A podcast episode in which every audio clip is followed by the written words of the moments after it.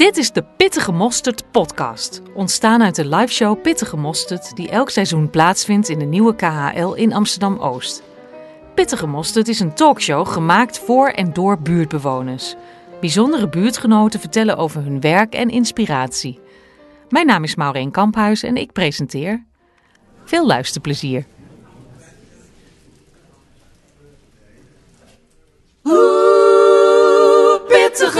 Pittige mosterd. Het geheime Dat hoor recept. ik niet. Dat is de jingle. Oké.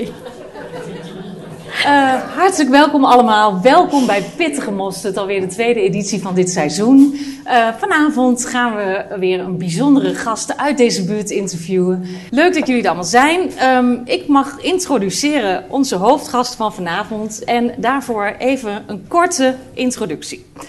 Ze werd in 1983 geboren in Korea en geadopteerd door een echtpaar uit Nederland. Nederlandse vader en een Oostenrijkse moeder. Vanaf haar negende ontdekte ze de harp, die betoverde haar meteen. En ze werd op haar elfde al toegelaten tot de jong talentafdeling van het Utrechts Conservatorium. In 2003 ronde ze haar bacheloropleiding af en daarna vervolgde ze bij de afdeling klassieke muziek van het Amsterdam Conservatorium een master. In 2005 studeerde zij cum laude af. Een internationale carrière volgde met vele albums, prijzen, waaronder de Nederlandse Muziekprijs in 2009, solo-optredens in grote concertzalen zoals Carnegie Hall en bijzondere samenwerkingsprojecten met onder andere Philip Glass en Iggy Pop. Met haar oog en oor voor nieuwe mogelijkheden voor de harp en vele muziekstromingen die ze eh, beoefent, gaan we vanavond in op haar pittige mosterd. Het geheime recept. Wat drijft haar en hoe houdt ze het allemaal gaande? Mag ik daarom een hartelijk applaus voor Lavinia Meijer.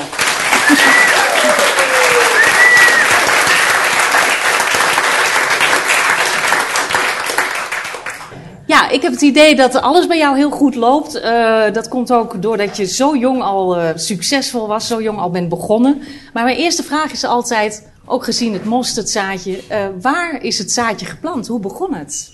Nou, het begon eigenlijk dat ik op mijn achtste voor het eerst dacht van... Goh, er zijn eh, vriendjes en vriendinnetjes bij mij op de basisschool... en die gaan dan een, een, een muziekinstrument uitkiezen. Misschien moet ik dat ook gaan doen. Ja.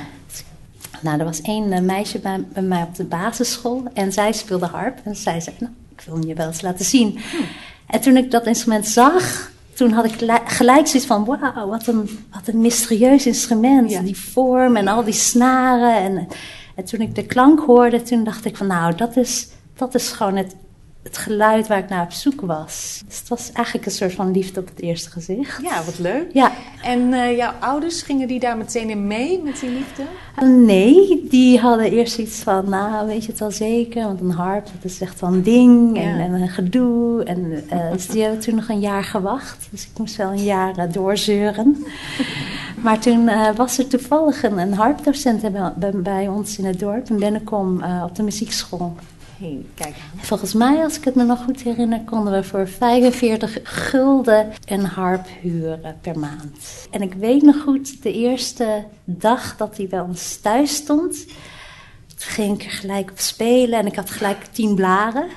Maar het was echt gelijk dat ik voelde, je omarmt het instrument en, je, en ja, het is heel direct. Je ging ook vrij jong al naar het conservatorium, hè? Dat begon in Utrecht. Maar ik, wist, of- ik wist helemaal niet wat een cons- conservatorium was. Nee. Ik wist dat ik een nieuwe docent kreeg. Dat is Erika Waardenburg. Zij eh, gaf heel anders les dan mijn eh, docenten op de muziekschool, die al heel snel zei: Ja, is prima, door volgend stukje, volgend stukje. En eh, deze docenten, zij ging mij echt uitdagen: van, Goh, zou je het ook zo kunnen spelen of zo? En ik wilde het zo graag helemaal goed voor haar doen, dat ik ook. Volgens haar heb ik het eerste jaar geen woord gezegd. Alleen maar ja geknikt. Oh ja, je had echt heel respect voor haar. Nou, het bijzondere van Erika vind ik dat je aan haar leerlingen kan zien, aan hoe verschillend ze zijn, dat zij een docent is die echt kijkt naar de kracht van haar leerlingen. Want Je ziet toch best wel heel vaak dat het een docent hoopt dat de leerling een kopie wordt. Ja. Ze heeft toen ook gezegd, want eigenlijk studeerde ik heel weinig, eh, echt een half uurtje voor les. Ik dacht, oh, ik moet nog even wat instuderen. en toen zei zij, ja, als je goed wil worden, dan moet je wel meer gaan studeren. Toen heeft ze me dus ook van de kleine harp naar de grote harp overgezet. En dat, dat betekende ook echt dat ik spieren moest eh, gaan kweken om een veel grotere harp, grotere spanning op de snaren. Maar dat ik ook echt eh, veel meer moest studeren. Ja. Toen ging bij mij een knop om en toen ben ik eigenlijk best wel een aantal jaren heel gedisciplineerd voor school om vijf uur opgestaan om nog te kunnen studeren voordat ik naar school ging. Zo, hè?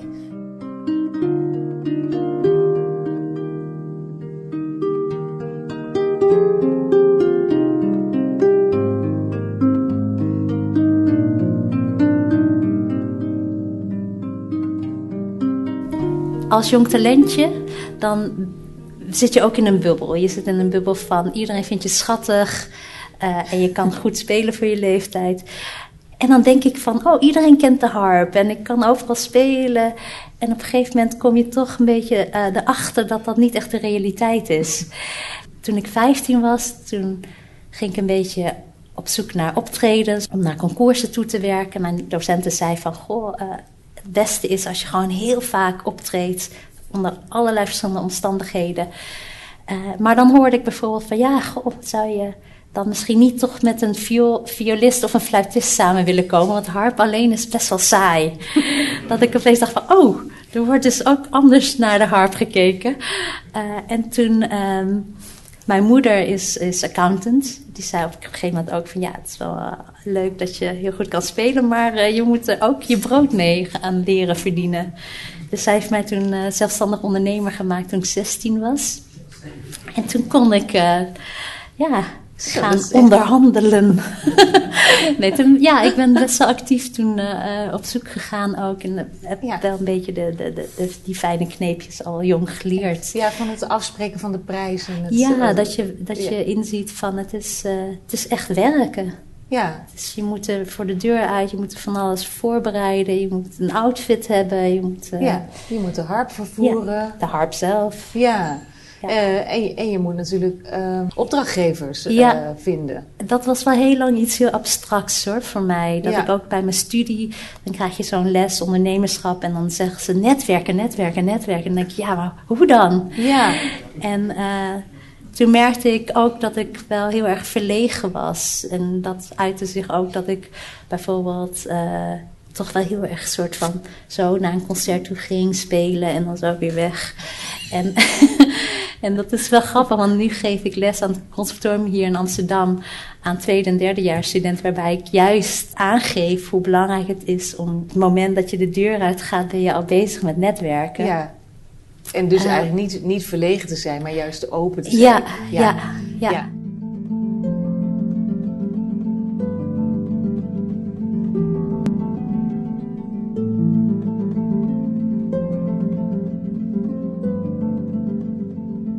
Hoe vind je dat om alleen op te treden? Is dat ook saai of eenzaam of vind je dat juist prettig? Ik heb het eigenlijk nooit als eenzaam ervaren, maar dat is ook omdat ik. Ik ben ook nooit alleen, want er zijn altijd mensen die, die het organiseren, die erbij zijn. Dus zodra ik binnen ben, dan ben ik omringd met Oh ja. mensen. Ja. Eh, en het reizen zelf vind ik ook niet eenzaam. Ehm, ik heb tijdens mijn studie heb ik best wel veel in een orkest geramplaceerd. Radio, orkest, eh, concertgebouw, residentie. En dat vond ik heel leerzaam en prachtige repertoire eh, eh, ontdekt.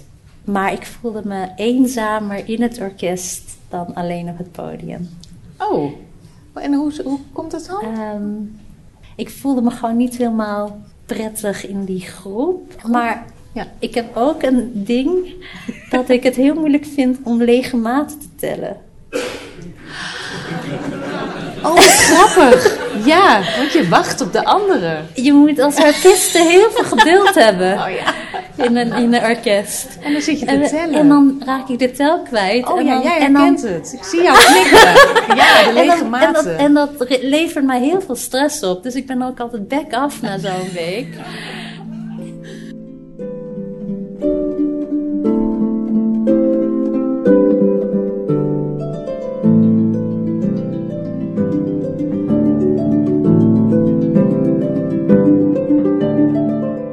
Studie, dan val je echt wel, althans ik viel echt wel even in een gat. Dat ik dacht van oké, ik heb nu de hele tijd onder die, die veilige paraplu eh, kunnen studeren, kunnen ontwikkelen. Nu sta ik er alleen voor. Heb ik wel een podium? Ik was natuurlijk wel al aan het optreden, maar toch. eh, eh, en toen ben ik vlak voor mijn afstuderen in Amsterdam ben ik iemand tegengekomen die een hele goede vriend van mij is geworden en ook een soort van mentor en coach. Eh, ik kan zijn naam gewoon noemen. Dat is Hans Heg. En hij is 30 jaar muziekcriticus bij de Volkskrant geweest. Hij was al met pensioen toen ik hem leerde kennen. Het is een wandelende encyclopedie, weet heel veel van klassieke muziek af. En ehm, ik had heel veel waardering en respect voor hem. En ehm, doordat ik mij zo ondersteund voelde door iemand als hij, gaf dat me heel veel zelfvertrouwen. En hij kwam ook met de suggestie van... Goh, zou je niet voor die Nederlands Muziekprijs eh, op willen gaan? En ik zei in eerste instantie, nee, dat kan ik helemaal niet. En toen heb ik het toch gedaan. Ja. En, maar het laat mij wel zien hoe belangrijk zulke mensen in iemands leven zijn. Misschien nog meer als artiest, waarbij je denk ik ook heel erg kan worstelen met je eigen onzekerheid. Ja. Ik zeg ook altijd bij de studenten van je grootste vijand is je eigen onzekerheid. Als je dat door de steun van mensen dichtbij je echt zo kan, kan je denk ik volgens mij daarmee omgaan. Dat je dacht, ja, dit is gewoon ook een soort van onvoorwaardelijke liefde. Ja. Ook als ik het minder doe, goed doe, eh, is het oké. Ja. En ja, hij is criticus geweest, dus hij kon best wel wat kritiek geven. Maar ik kon het allemaal van hem hebben. Je moet ze ook zeker om leren gaan met kritiek.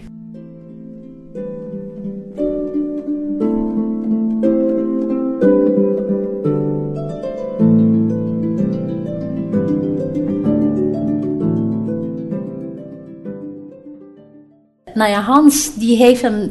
En hij heeft mij dus een soort van duwtje richting Philip Glass gegeven. ja. Want die is heel belangrijk geworden. Hè? Ja, Hans Heg heeft hem dus in de jaren zeventig in New York gehoord. Toen was hij nog helemaal niet bekend. Maar ze gingen een beetje op zoek naar de apartere uitvoeringen, voorstellingen. Dat was volgens mij in een museum. En, dat, en, en die muziek die werd keihard gespeeld. Met, heel, met hele sterke versterking. Dat was echt nieuw in die tijd. En het werd ook door menig muziekcriticus werd het de grond ingeboord. Maar goed, Hans vond het geweldig. Zij gingen naar Holland Festival en zeiden... nou, wat we nu hebben gehoord en gezien... hij moet naar het Holland Festival. Dat was toen niet makkelijk en dat heeft even geduurd, maar hij kwam naar het Holland Festival. En dat was eigenlijk een beetje zijn debuut in Nederland. En sindsdien kwam hij er ook met regelmaat.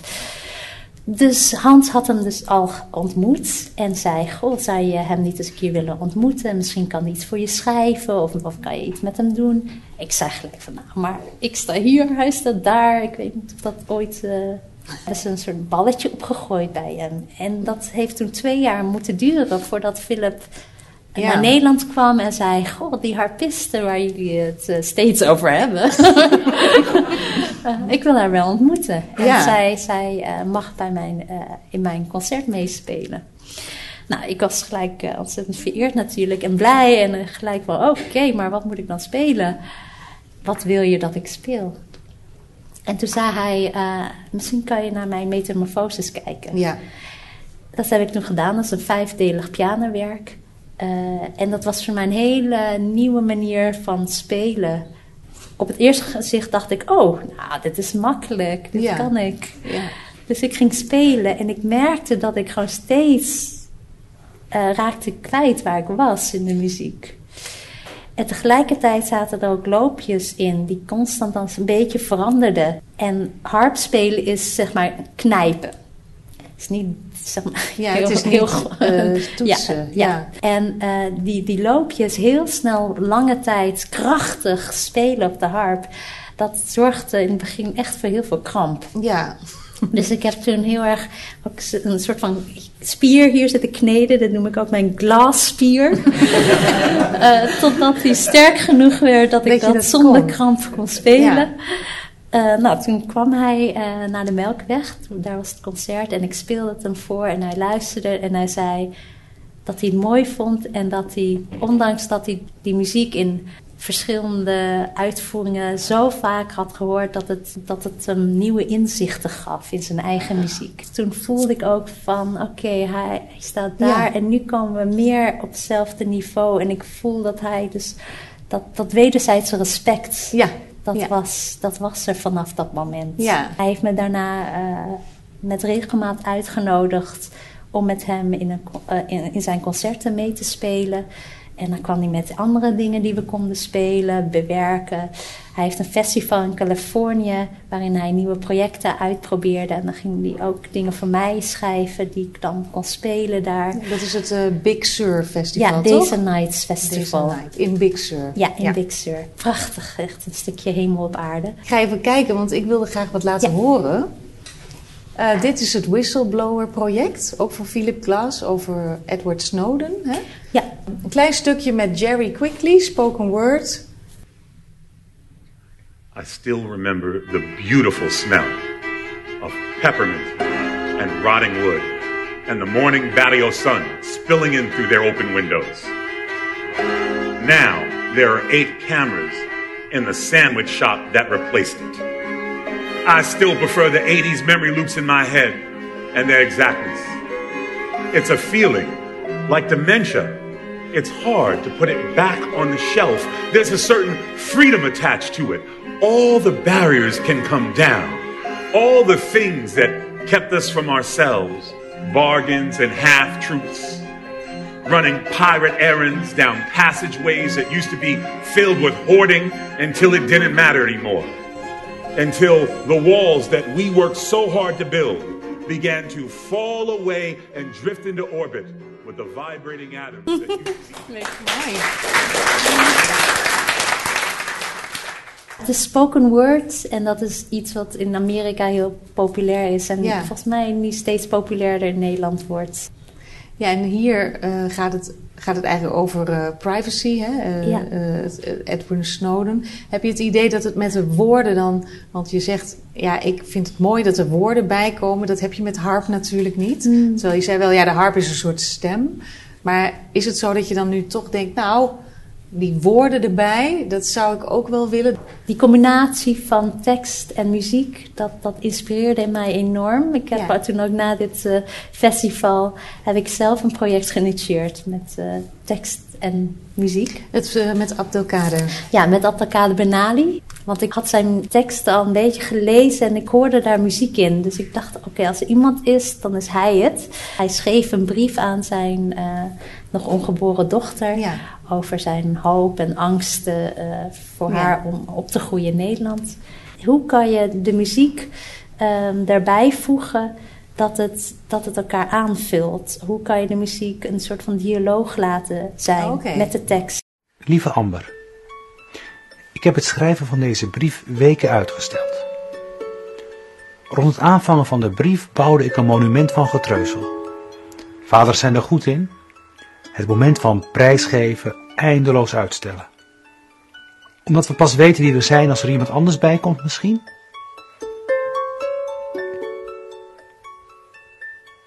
Ik wachtte op regen. En toen het, vlak voor je geboorte, vervelend begon te regenen boven de grachtenstad, zag ik het als een teken werk te maken van wat ik geen werk kan noemen. Jou als compassie in ons leven en dat kompas neerschrijven op papier.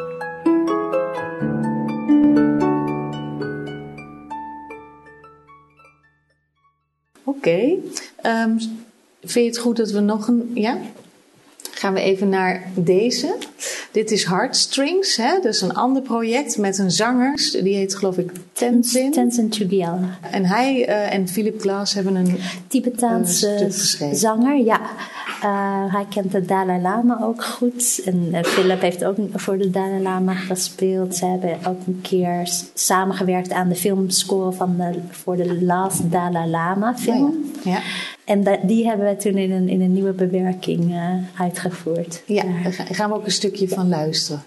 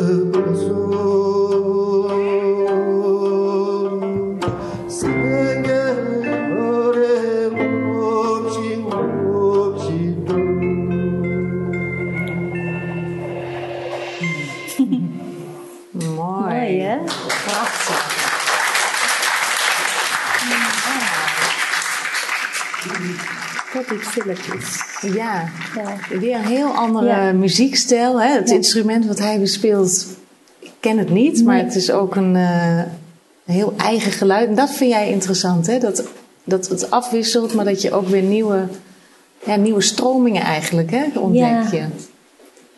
Ehm, zo'n optreden lijkt mij heel spannend. Hè? Je moet toch mentaal volgens mij ook kracht. Hè? Je zei net, ik moet spieren hebben om de harp te kunnen bespelen, maar je hebt ook mentale kracht nodig. Ja. En dat doe je heel bewust. Dat ga ik, uh, dan ga ik jullie vertellen wat dat is, hoe ik dat doe. En het is eigenlijk een soort van actieve rust. Ik hoop dat ik het goed uitleg, want het is, het is niet heel erg simpel. Maar het komt erop neer dat het. Je telt steeds tot tien en dan ga je weer terug naar één. En dan tel je weer tot tien. En dat doe je via ademhalingen. En dat doe je tot tien en in die tijd probeer je een soort van leeg in je hoofd te, worden. Mhm. Echt je even te concentreren op het ademhalen. Vervolgens, als je dan weer teruggaat naar één, ga je aan 1, 2, 3, 4, 5 een woord koppelen. Nou, wat zijn die vijf woorden? 1 is liefde. 2 is compassie. 3 is respect. Vier is verleden. En vijf is toekomst. Nou, dan ben je bij zes uh, gekomen. En dan ga je weer proberen even leeg ja. te worden. Om vervolgens weer terug naar één te gaan. Was het duidelijk? Ja. Veel plezier. Oké, nou, daar gaan we dan, hè?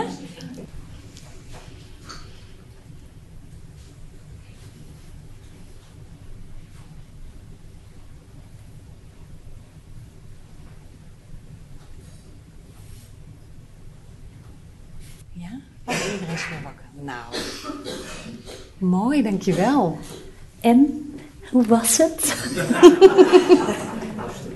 Lastig, ja? Lastig. Maar het helpt zeker om even. Uh, wat het mij doet is eigenlijk dat ik, uh, doordat ik de dag al doorloop in gedachten, kan ik prioriteiten stellen dan moet je twintig dingen van jezelf doen. En dan op dat moment voel ik dan toch een soort van rust, waardoor ik kan voelen. En dat is dan echt, denk ik, je intuïtie die dan uh, gaat werken. Ja, maar van die twintig dingen is dit gewoon het belangrijkste. En daarna dit. Ja. Maar die anderen kunnen echt wachten.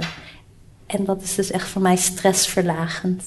Dat gevoel probeer ik mee te nemen voordat ik het podium, zeg maar, het podium mee op te nemen.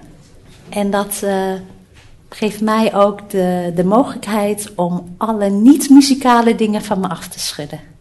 En uiteindelijk voor de essentie te gaan. En dat is de muziek. Lavinia, volgens mij zijn we aan het einde van een hele mooie, boeiende avond. Ik wil jou heel hartelijk danken voor alles wat je vertelt. En uh, heel fijn dat je er was. En ik denk dat ik namens iedereen spreek als ik zeg dat we je blijven volgen. En uh, ik hoop dat het morgen ook een mooi concert wordt. Dankjewel. Het is heel leuk om hier te zijn. Dankjewel. Ja, ik vond het heel bijzonder dat je ook hoe zij zo zei dat ze eigenlijk zo verlegen was en hoe ze ontzettend gaan bloeien is, gewoon door de hart aan te werken en hoe ze ongelooflijk dicht bij zichzelf is. Dat vond ik echt heel mooi en inspirerend om te zien en te horen. En nou, gewoon een geweldige muzikant, maar mens ook vooral.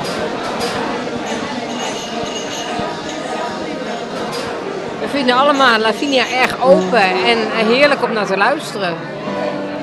En ook die meditatie was natuurlijk ook superleuk met elkaar. Heel rustig allemaal, heerlijk. Ja, mooi. En u? Ja, ik vond het een heel ontspannen avond. En ook de hele ambiance hier in het... Uh, ik was hier nog nooit eerder geweest, maar dit, dit smaakt naar meer. En ik ga ook uh, mensen die ik ken, die hier wel wonen, ook eens uh, attenderen op deze plek. ik vond het heel leuk om te zien hoe dat zij ook verlegen is en dat overwint, want ik ben ook verlegen. Dus het is uh, heel interessant om dan te zien hoe zo iemand dat doet. En dat mediteren vond ik heerlijk, dat doe ik vaker. Dus daar kon ik heel makkelijk in komen. Interessant, Interessant. wat ze vertelde en ook hoe ze zich voorbereidt elke ochtend. Ja met haar meditaties, dat we dat samen even konden doen. Heel fijn. Ja. Echt leuk. En dat ze ook heel erg... Ook wat van geleerd dus. Ja. En open staat om, om uh, verder te kijken dan de harp alleen. Dat vind ik zo mooi. Dat ze allerlei experimenten aangaat of met anderen wil samenwerken. Ja, echt uh, heel ja. goed. Ja, jammer dat ze de harp niet bij zich had. Zo, ja, ze kreeg de zaal zeker stil met uh, de meditatie. dat doe ik nooit. Maar ik heb heel wat beleefd op die meditatie, zeg. Ja, dus uh, eerst uh, hoofd leegmaken. En daarna met die woorden uh, verder. Nou, ik kwam in Oekraïne. Ehm, de volgende ronde moest ik denken aan mijn ouders. En nou, heel wat meegemaakt met die meditaties. Geweldig.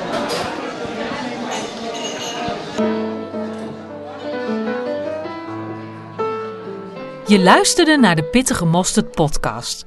Pittige Mosterd wordt georganiseerd door een team van meerdere mensen. Ons team bestaat uit Jan en Gerard Krabbe van de nieuwe KHL, Joyce Feijen, Maarten Eilander, Tamara Dekker, Mario van der Velde, Johan Bak en ikzelf. De podcast werd gemaakt door Leon Paquet. Wil je er ook een keer bij zijn? Meld je dan aan via info@denieuwekhl.nl. Betaal wat je wilt. Hopelijk tot snel. Dankjewel voor het luisteren.